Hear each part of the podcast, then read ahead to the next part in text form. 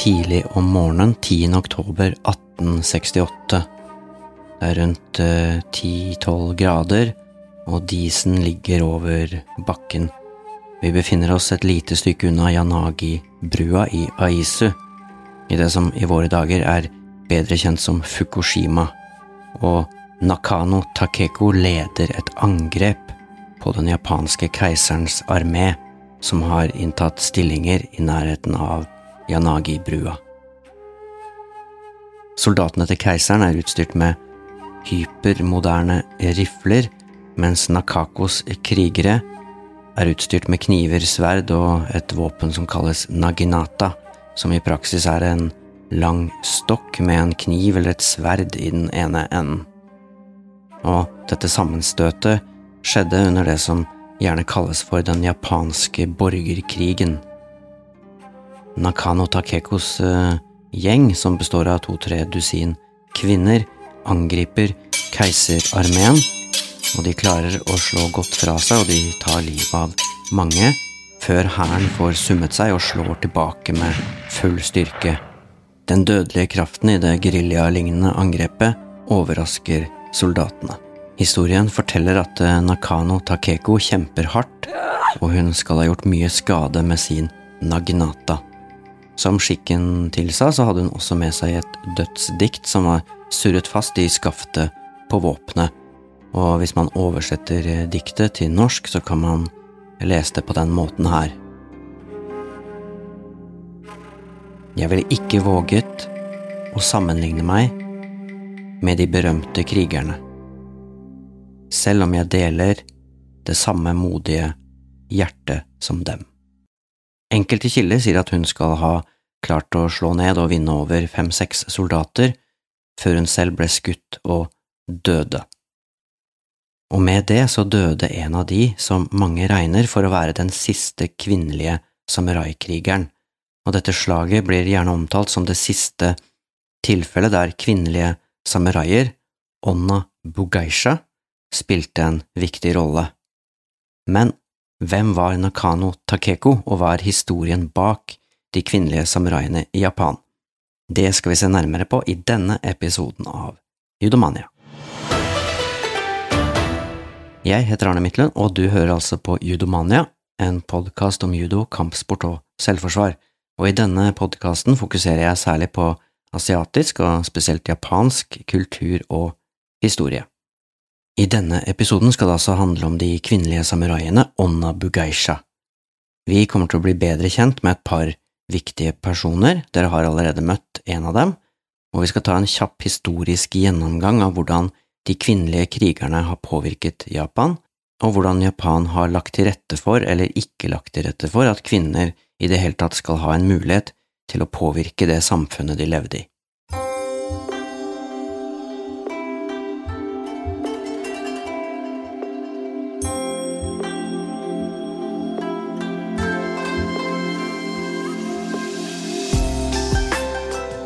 Nakano Takeko, som vi hørte om i innledningen, regnes altså av mange som den siste kvinnelige samuraien, og hun døde, som vi nettopp hørte, i slaget ved Yanagi-brua, og det skjedde såpass seint som i 1868, og når jeg tenker på det, så syns jeg jo det er litt rart at en person som Jigoro Kano, altså han som grunnla judo, var åtte år gammel på det tidspunktet her, og det betyr jo at han har levd samtidig som dette her eh, pågikk, dette slaget, og han har ikke levd så langt unna heller, der alt dette skjedde.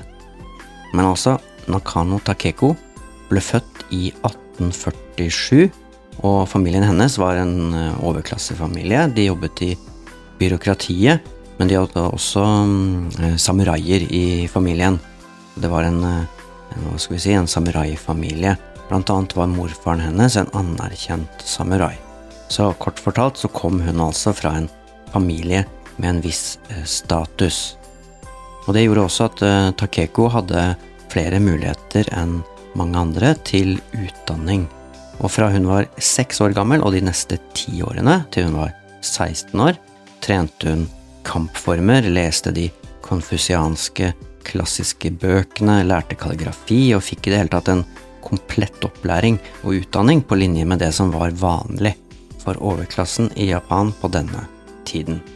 Og spesielt god opplæring fikk hun i Itto-skolens form for uh, sverdkamp og bruken av naginata. Og her mottok hun sånne grader og diplomer som skikken var i Menkyo-systemet. Og det var jo, som vi har hørt tidligere i den episoden som handler om beltegrader, før Igoro Kano hadde utviklet beltesystemet. Da Nakano Takeko var 16 år gammel, ble hun adoptert av læreren sin. Det var ganske vanlig på den tiden her at man ble adoptert av uh, ulike uh, mentorer. Men uh, da han forsøkte å gifte henne bort, så flyttet hun hjem til sin biologiske familie i Aisu. Da hadde hun allerede rukket å bli 21 år gammel, og det her var i 1868, i det som skulle vise seg å bli hennes siste leveår.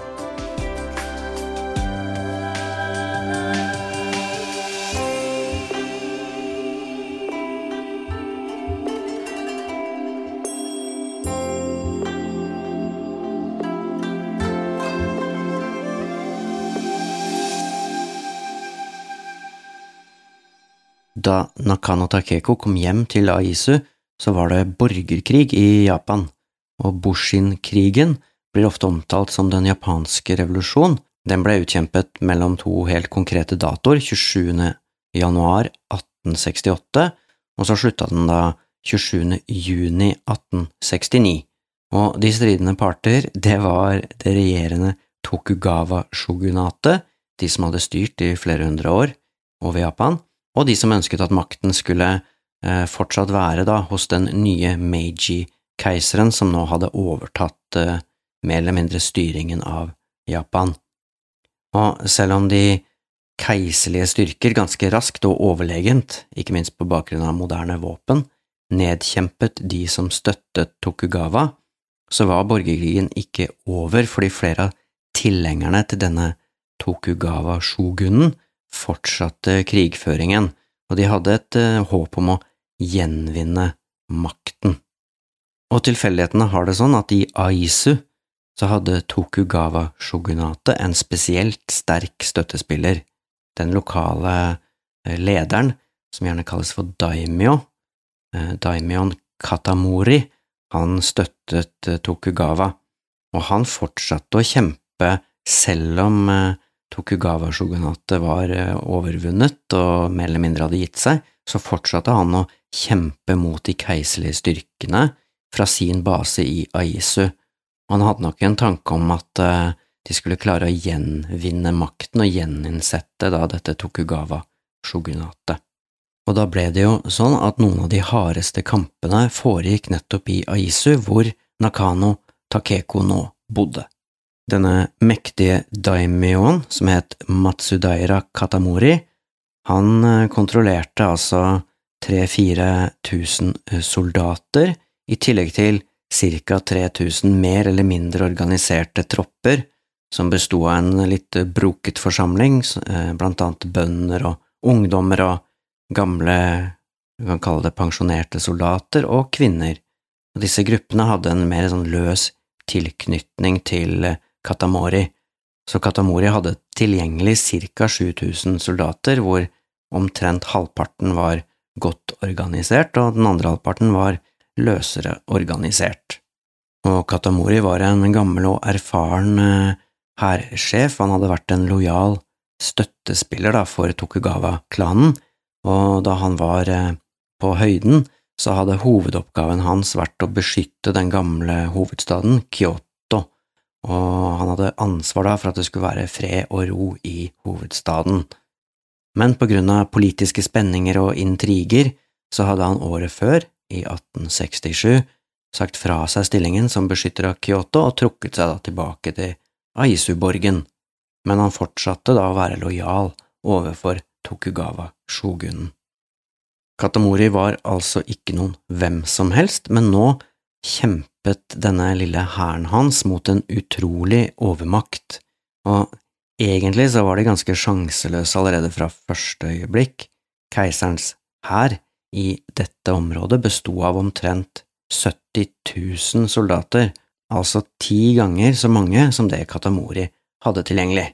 og det tok heller ikke lang tid før den keiserlige hæren hadde brutt seg gjennom de ytre bymurene i Aisu, og innbyggerne og soldatene reagerte på ulike måter. Eh, jeg tror det man kan si eh, var felles, var at eh, de var redde for den store overmakten, og det kan man jo godt forstå. Noen av innbyggerne begikk selvmord, det var ganske mange faktisk som heller tok livet av seg selv enn å bli tatt til fange eller drept av keiser hæren. Noen klarte å flykte ut av byen, og noen trakk seg tilbake til borgen som var eh, i Aisu. Det er kanskje ikke så rart at såpass mange begikk eh, selvmord. Nå er det en litt merkelig tradisjon i Japan, dette med disse såkalt ærefulle måtene å dø på, men uansett så var keiserhæren eh, en virkelig skummel motstander, og de gjennomførte en sånn brent jord-taktikk, der de ødela og raserte alt de kom over, og i tillegg så sa ryktet at alle menn ville bli drept, og at alle kvinner ville bli solgt som slaver, og frykten for overgrep var også med god grunn stor. Og historikeren Diana Wright, som har skrevet om dette slaget i en artikkel, siterer Mao, som skal ha sagt at krig er ingen teseremoni.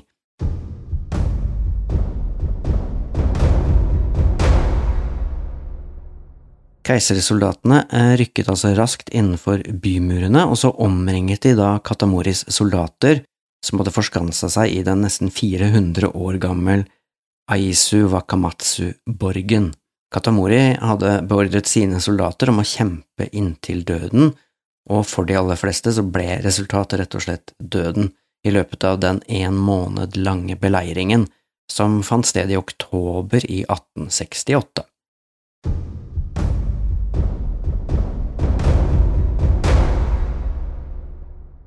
Nakano Takeko var egentlig ikke en del av Katamoris eh, hær, men hun tok på egen hånd initiativ til å samle en gruppe kvinner som skulle forsøke å bryte fiendens linjer eller dø i forsøket. Og 8. oktober så samla hun da en gruppe med ca. 20–30 kvinner, og med seg i denne gruppa så hadde Nakano både søsteren sin og moren sin. Formelt, siden hun var da eldst, så var det moren til Nakano Takeko, som faktisk het Koko, som var leder for gruppa. Men i praksis så var det Nakano som var selve drivkraften i gruppa, den som bestemte hva som skulle gjøres. Og selv om vi bare vet navnet på ti av medlemmene i gruppa, så er det stort sett enighet om at den besto av ca. 20–30 kvinner og alle disse kvinnene var stort sett bevæpnet med det våpenet som kalles for naginata. Kvinner trente gjerne med noe som kalles for ko-naginata, som er en litt mindre versjon da, av denne lange eh, stokken med et, eh, et sverd eller en kniv, lang kniv ytterst i enden. Og denne delvis uavhengige gruppa til Nakano Takeko ble kalt for Yoshigun, og det betyr rett og slett bare kvinnehæren. Det var et beskjedent antall medlemmer, har vi hørt, så tropp er kanskje mer beskrivende enn hær, uten at jeg har så spesielt god greie på militære ord og uttrykk.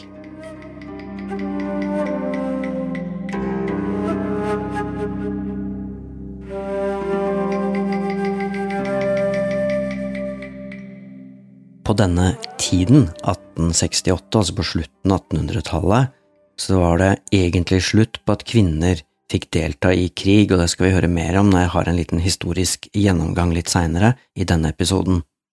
Kvinner kunne i beste fall, eller i verste fall, jeg vet ikke hva, eh, beskytte hus og hjem, men som aktive krigere i en offensiv krig var det virkelig ikke meningen at eh, kvinner eh, skulle delta, så opplæringen kvinner fikk i våpenbruk var i beste fall overfladisk. Men Akkurat for disse krigerklassekvinnene i Aisu hadde det heldigvis vært annerledes. De hadde fått reell opplæring i bruken av kniver, sverd og naginata, og dette var altså da kvinner som absolutt visste hvordan de skulle bruke og håndtere våpen. Likevel så nektet, forutsigbart nok, Katamori å anerkjenne kvinnene som en offisiell del av hæren hans, men de satte i gang med egne operasjoner i området rundt borgen, der Katamoris eh, soldater eh, desperat forsøkte å holde stillingen. Og samme dag, altså 8. oktober, samme dag som det voldsomme angrepet og bølgen av selvmord skylte over Aisu, så hadde Nakano Takeko, sammen med flere andre, forsøkt å kjempe mot fienden rett utenfor borgen. Eh, da de prøvde å trekke seg tilbake igjen og inn i borgen, så var det dessverre for dem noen som da hadde stengt og, og barrikadert eh, inngangsporten. Så der og da måtte kvinnene bestemme seg for hva de skulle gjøre, og da bestemte de seg for å kjempe mot fienden til døden.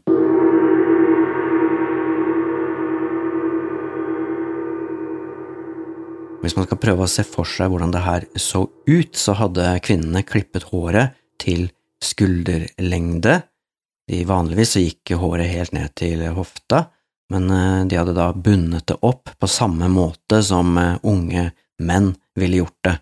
Så hadde de kledd seg med hvite pannebånd, og så hadde de på seg hakama, altså sånne vide bukser, sånne tradisjonelle bukser som man kan se i aikido eller i sånne tradisjonelle samurai-bukser Eh.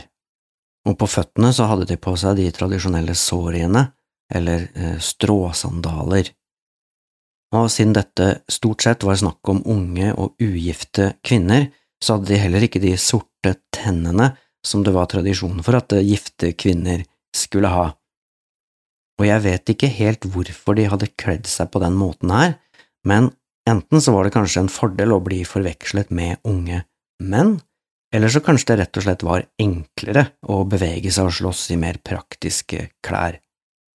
Og det var uansett et eh, fargerikt følge som var klare for kamp, og ifølge kildene så var da klærne både eh, grønne, de var blågrønne, blågrå, de var lilla, og det var røde og gule kimonoer.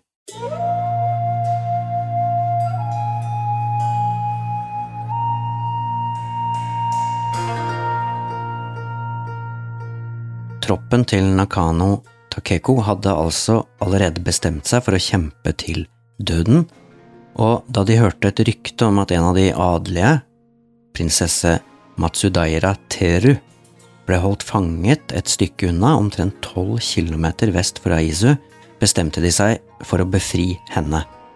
Og hun ble holdt fanget, etter ryktet, da, i et sted som het Bange. Troppen til Nakano gikk i samlet flokk i retning av Bange, og da de nærmet seg, så spurte de en lokal alliert, en hærsjef, om de kunne slå seg sammen med hans tropper, og om de da sammen kunne prøve å befri prinsesse Teru. Det nektet han fordi han mente at eh, hæren til keiseren ville se på en sånn uh, allianse som et svakhetstegn, altså det at de måtte bruke kvinner som krigere.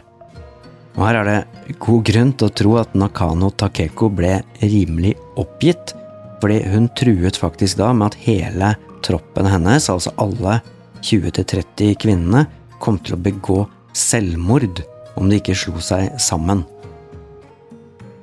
Og der sto diskusjonen, men så ble det heldigvis ikke nødvendig, fordi at de fant nemlig plutselig ut at prinsesse Teru fortsatt var i borgen i Aizu så det hele hadde med andre ord vært en bomtur.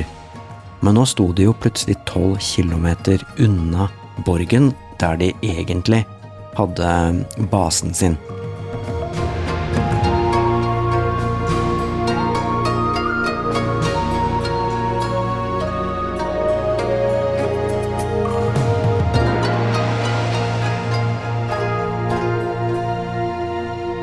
Neste dag, 9. oktober, bevegde gruppa med disse Onna Bugeisha, eller kvinnelige samuraiene, seg videre, og de var liksom hele tiden på utkikk etter oppdrag som kunne bidra til å slå ned keiserhæren. Og da de nærmet seg Aizu, så traff de en general som het Kayano Gonbei, og han ble faktisk imponert over den viljen og den eh, villigheten da disse kvinnene hadde til å kjempe han plasserte kvinnene sammen med en tropp som nettopp hadde ankommet. Sjefen for den nyankomne troppen het Furuya, og han eh, bestemte da over sin tropp, og så fikk Nakano Takeko beholde kommandoen over eh, Yoshigun, over denne kvinnetroppen. De slo leir for natten, og så gjorde de seg klare til hva som enn måtte komme neste dag.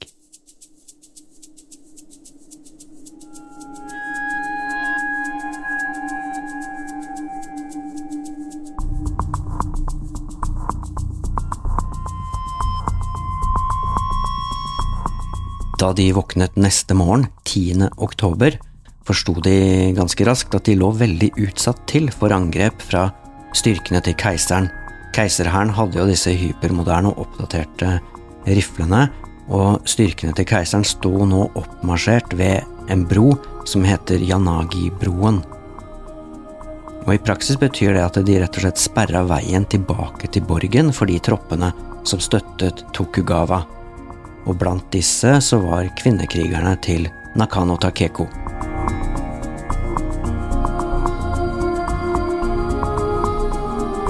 De samlet seg og la raskt en slagplan. Eh, planen var at de skulle dele seg i tre større eh, grupper og angripe hæren til keiseren fra hver sin retning. Og eh, Nakanos gruppe skulle angripe keiserhæren direkte på brua. Og Nakano Takeko var ikke alene. Hun fikk med seg troppen til Furuya og en gruppe frivillige bønder. Og disse tre grupperingene skulle da slå seg sammen til en litt større gruppe, og de skulle da, som sagt, angripe keiserhæren direkte langs hovedveien på brua. Det er nok ingen som tror at Nakano Takeko og hennes Onna Bugeisha hadde noen illusjoner om å vinne dette slaget. Her var det nok mer snakk om å kjempe til døden, både for ærens skyld, men også for å unngå tortur, lidelse og overgrep dersom de ble tatt til fange. Så slik de så det, så hadde de kanskje ingenting å tape. Det var intense kamper, og de raste i flere timer før det hele var over. Og som vi hørte i innledningen til denne episoden, så gikk det ikke så bra, og Nakano Takeko døde i dette veldig kjente og viktige slaget i Japans eh, historie. På denne tiden så var det ikke uvanlig å halshugge fiendene, og hensikten med det var å kunne stille opp hodene til skrekk og advarsel, og dessuten så var det en ydmykende handling, fordi det var viktig for eh, eh, begravelsesritualene at man fikk begravd hele kroppen. Så i stedet for å la fienden få tak i den døde kroppen hennes, så hadde Nakano Takeko på forhånd gjort en avtale med den 16 år gamle søsteren sin, som het Yoko.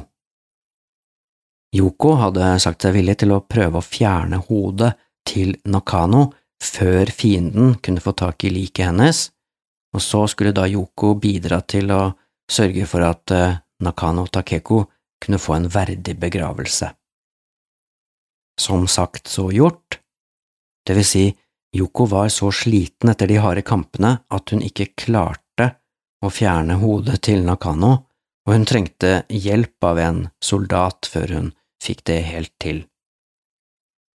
Hun pakket hodet inn i et uh, et uh, klede, da, et tørkle og noe, noe, tøy, og så tok hun det med seg vekk fra slagmarken. Dette er jo ganske drøye detaljer, men sånn sier iallfall kilden at det foregikk, og de kildene kan du jo lese selv hvis du vil vite enda mer. Da kan du sjekke på judomania.no. Etter kampene var overstått, så ble altså hodet til Nakano Takeko fraktet til Hokai-tempelet, som ligger i den delen av det moderne Fukushima som heter Bange.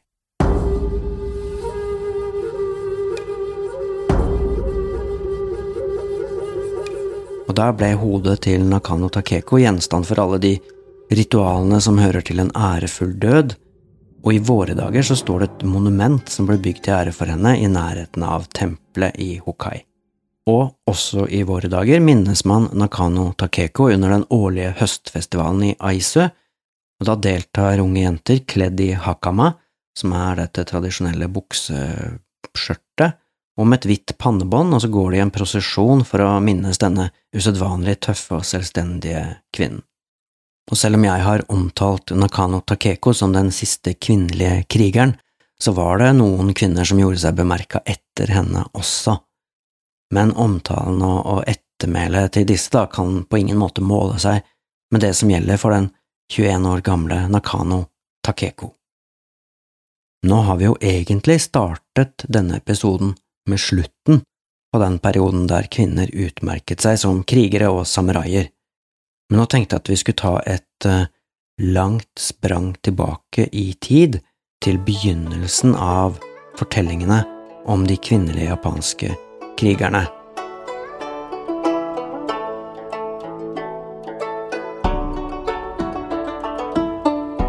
Og selv om jeg i innledningen til denne episoden har brukt begrepet kvinnelig samurai, så blir strengt tatt ordet samurai kun brukt om menn.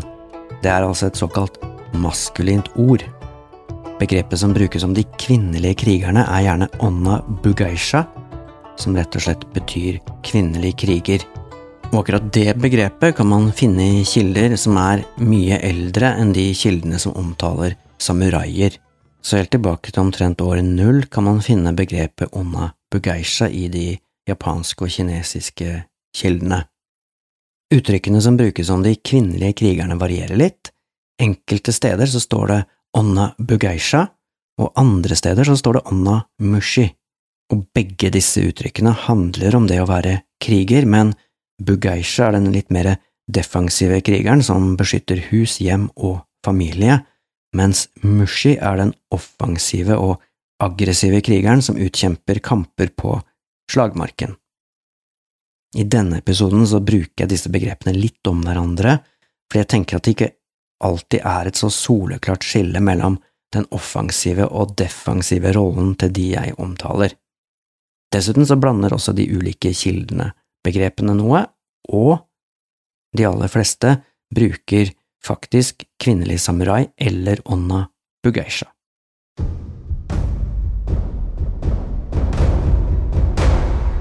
Alle som interesserer seg for historie og for uh, det som skjedde i riktig gamle dager, vet jo at uh, kvinner har blitt behandlet på så veldig mange ulike måter opp gjennom historien, og ganske mye av det er høyst kritikkverdig. Og i Japan er kanskje denne historikken ekstra kaotisk, og det skal vi komme litt tilbake til. Det som er sikkert, er at kvinner ofte har hatt en sentral rolle i Japans historie, og når det gjelder dette med kvinnelige krigere, så har man faktisk i enkelte arkeologiske utgravninger sett at minst en tredjedel av de døde krigerne har vært kvinner, så det er både litterære kilder, men også helt fysiske arkeologiske funn som bekrefter at kvinner hadde en viktig rolle i det, hva skal vi si, krigsherjede landet Japan.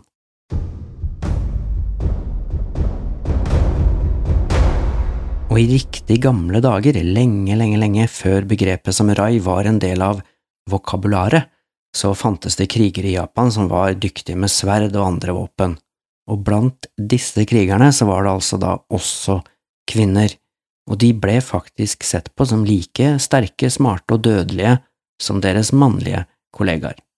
Men så har det også det eh, fascinerende og eh, utrolige at kvinner så å si ikke er nevnt i de historiske kildene.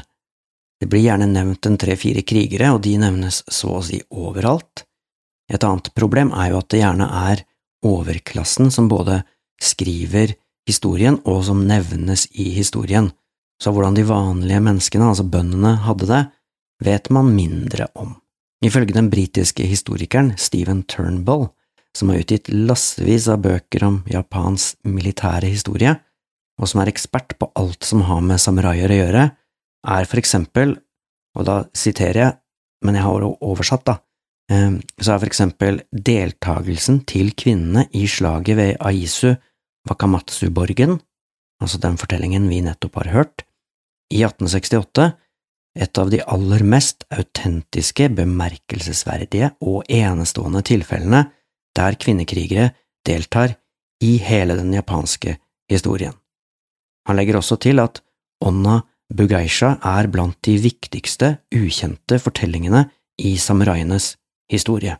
Så derfor, i denne delen av podkasten, skal jeg prøve å ta dere med på en kort historisk gjennomgang av hvilke muligheter kvinnene har hatt i Japan. Og da starter jeg med keiserinne Jingu.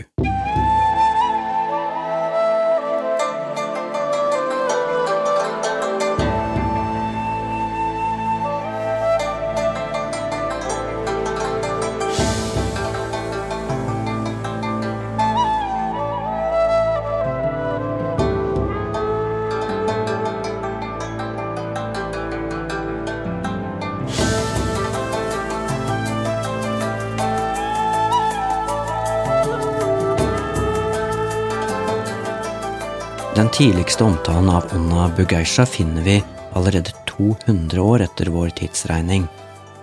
Og det dreier seg om keiserinne Jingu, som ble født i år 169, og hun døde da i år 269. Og for de som er kjappe i hoderegning, så ser dere da at hun ble 100 år gammel. Hun var gift med keiser Chuai, og hun regjerte i Japan fra år 209, da han døde, og helt fram til hun selv døde, altså i 269. Men lenge før hun overtok som keiserinne, så viste hun at hun var i stand til å fungere mer enn godt nok som både kriger, hærsjef og leder. I år 200, da var hun altså 31 år, så organiserte og ledet hun, Jingu, en militær erobring av Korea.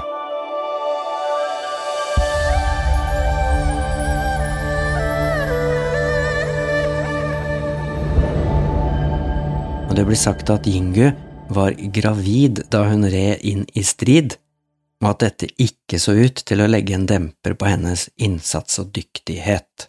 Det sies også at hun effektivt slo ned alle forsøk på opprør de neste 70 årene, helt til da hun døde 100 år gammel. Keiserinne Jingu innledet det som kan kalles for Yamato- og Nara-perioden i japansk historie.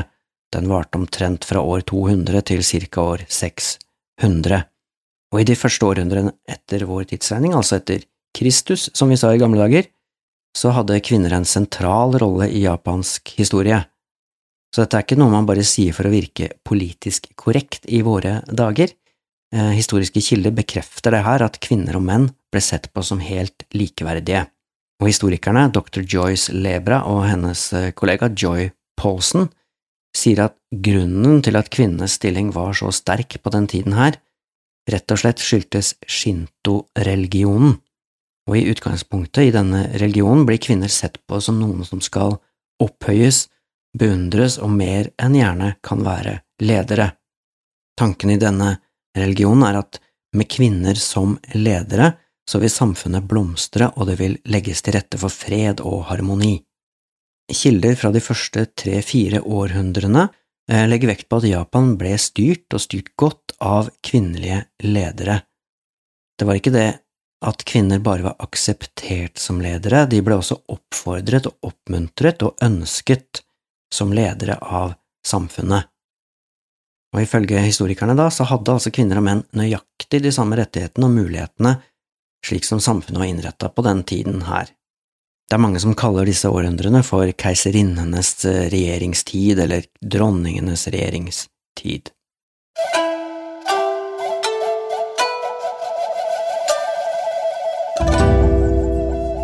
Men så endres bildet, for da, i år 552, så innføres buddhismen i Japan og den formen for buddhisme som får fotfeste i Japan, er sterkt antifeministisk, og over tid, ikke så lang tid heller, så fører det til at kvinnene i Japan får en underordna rolle. Og det er faktisk sånn at i denne formen for eh, buddhisme som fikk eh, fotfeste da i Japan, så var eh, frelse, eller nirvana, kun forbeholdt menn og den eneste sjansen kvinner hadde til frelse var ved å bli gjenfødt som en mann. Og en av de eldste kildene til japansk historie, fortellinger fra Genji, så står det Hvis de ikke er fundamentalt onde, så ville de heller ikke ha blitt født som kvinner i det hele tatt. denne undertrykkingen av eh, kvinner og kvinners rettigheter fortsetter inn i det som kalles for Heian-perioden, som er fra 794 til 1185, og det var en, mm, hva skal vi si, en høykulturell blomstringstid i Japan, og eh, mye av det som vi ser på som noen typisk japansk eh, kultur, ble utvikla i løpet av disse årene. Og det var også på den tiden her at det som kalles for bushi-kulturen, altså krigerkulturen, ble grunnlagt. Enkelte kvinner fikk lov til å trene på linje med menn, men hensikten med treningen var først og fremst å forsvare og beskytte hjemmet. Ellers så hadde kvinner få og små rettigheter. De skulle helst holde seg hjemme, ikke være synlige for andre menn, gjerne ikke for andre kvinner heller, og når man eh, nærmer seg 1200-tallet, da, så er eh, kvinner så å si usynlige i det føydale Japan. De satt nærmest i husarrest. Når vi beveger oss inn i Kamakura-perioden, altså 1200-1300-tallet, 1185 til 1333, så blir det et oppsving igjen for kvinnene, og det er det som er så fascinerende, synes jeg, med eh, japansk historie, der buddhismen og shinto-religionen lever side om side og påvirker hverandre.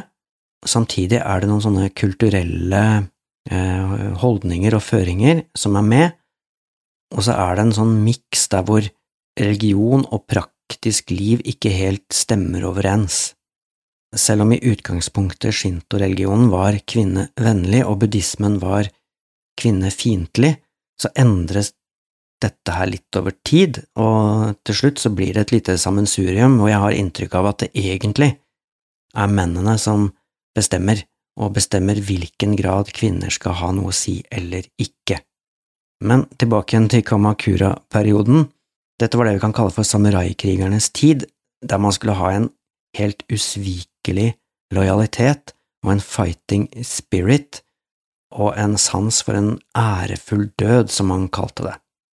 Og i denne perioden så gjenvant kvinnene noe av selvstendigheten og statusen som de hadde hatt uh, tusen år tidligere. Og nå var det flere kvinner som trente på samme måte som samuraiene. Mange ser på det her som en historisk tid hvor kvinnene var på topp når det gjelder muligheter og status, selv om det var en del økonomiske regler og begrensninger.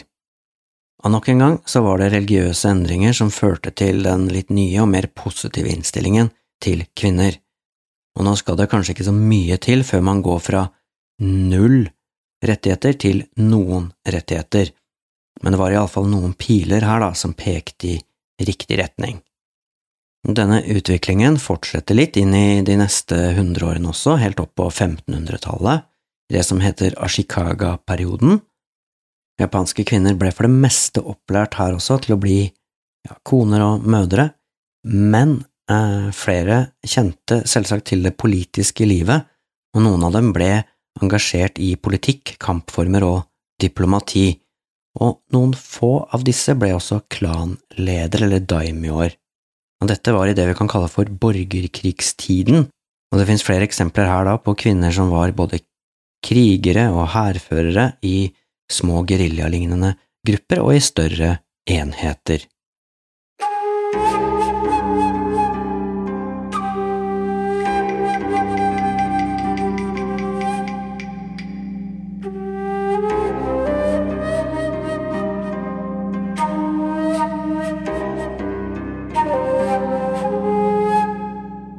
På 1600-tallet, fra 1603 og helt opp til den fortellingen vi hørte om i 1868, så er vi inne i det som heter Tokugawa-perioden.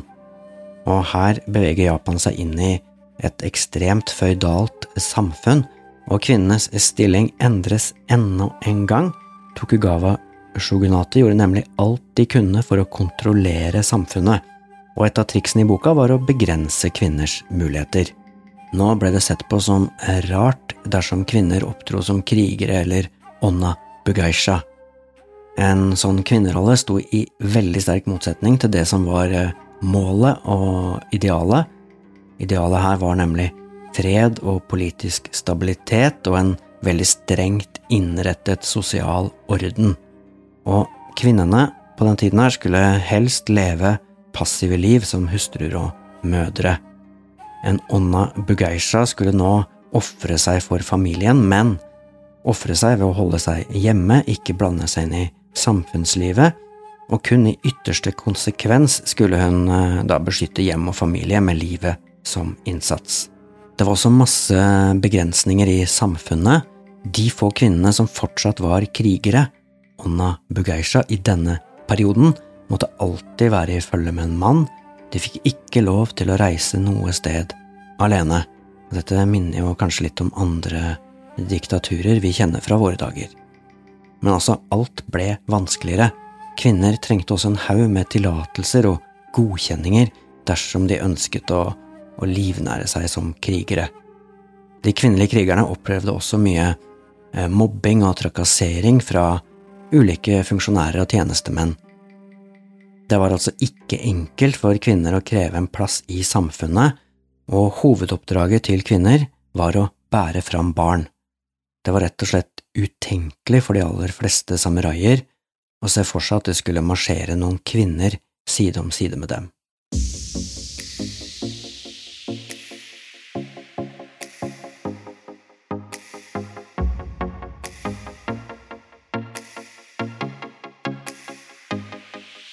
I mer moderne tid, i det som kalles for Meiji-epoken, hvor Japan prøvde å fornye seg, så var det fortsatt eh, mye politisk eh, uro, eh, men vi fikk en hurtig modernisering av det japanske samfunnet.